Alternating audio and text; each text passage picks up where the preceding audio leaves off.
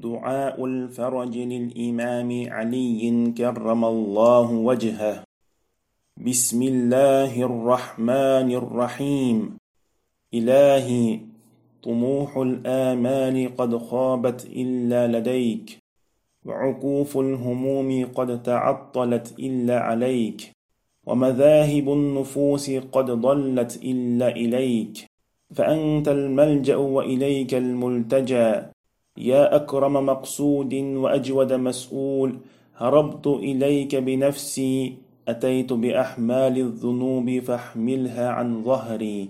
يا ملجأ الهادين لا أجد شافعا إليك إلا معرفتي بأنك أكرم من قصد إليه المضطرون وأمل ما لديه الراغبون.